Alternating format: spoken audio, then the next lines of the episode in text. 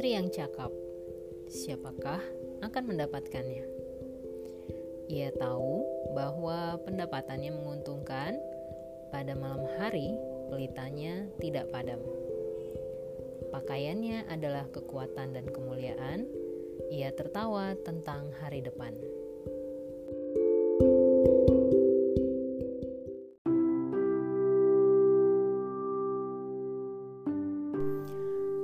Hai para Sri Kandi Pernah dengar perumpamaan tentang gadis bijaksana dan gadis bodoh nggak? Yang belum pernah dengar, saya ceritain sedikit ya. Ada 10 gadis yang mengambil pelitanya dan menyambut mempelai laki-laki. Nah, dari 10 gadis itu, 5 di antaranya bodoh dan 5 bijaksana. Gadis bodoh membawa pelitanya tapi tidak membawa minyak. Sementara gadis-gadis bijaksana membawa pelitanya dan juga minyak dalam buli-buli mereka. Tapi karena mempelai laki-laki datangnya lama, mereka semuanya tertidur.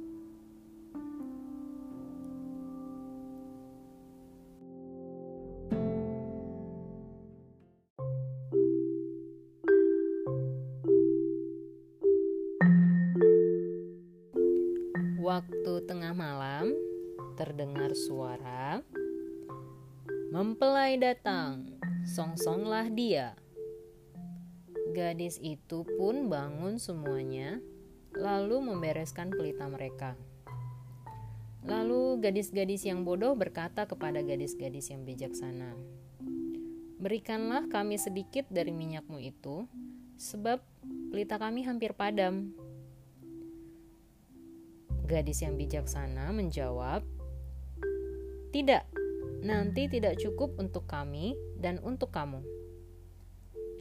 Lalu, pada akhirnya, gadis-gadis bodoh tidak bisa masuk ke perjamuan kawin dan menemui mempelai laki-laki.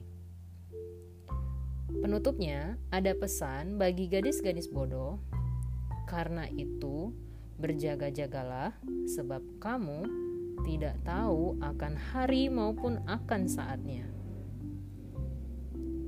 Nah, proteksi itu ibarat sebuah implementasi dari pesan bagi gadis bodoh tadi. Saya ulangin ya, karena itu berjaga-jagalah sebab kamu tidak tahu akan hari maupun akan saatnya. Para Sri Kandi, Pelita itu alat yang menerangi perjalanan kita ya. Dan minyak itu ibarat sebuah cadangan untuk membantu kita mewujudkan impian kita di masa depan. Kalau saat kesulitan ternyata nggak ada yang bantu kamu, jangan nyalahin keadaan ya. Karena di story itu sendiri sebenarnya sah-sah aja saat masing-masing pribadi mikirin kepentingannya untuk mewujudkan impian yang dia punya. So, pesannya, kamu mesti siapin minyak untuk cadangan pelita kamu. Sekali lagi ya, kamu mesti siapin minyak untuk cadangan pelita kamu. Orang yang paling bijaksana juga udah kasih pesan supaya kamu semua bisa jadi perempuan yang dicintai suami dan anak-anak juga orang tua. Salah satunya, kamu upayakan agar pelitamu tidak padam. Pendapatan kamu menguntungkan bagi keluarga kamu. Pakaian yang kamu pakai juga bukan kostum yang penuh warna tapi basically, kekuatan dan kemuliaan yang terletak di dalam kamu adalah kamu tertawa tentang hari depan.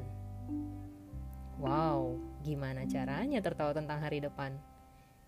Ya, selain kamu punya iman yang teguh, kamu juga perlu mengusahakannya. Kalau keluarga kamu udah punya perlindungan dan kamu berdoa bagi keselamatan mereka, niscaya usaha kamu lengkap. Jadi punya proteksi yang bisa bantu keluarga supaya pelitanya tidak padam saat hari-hari gelap datang.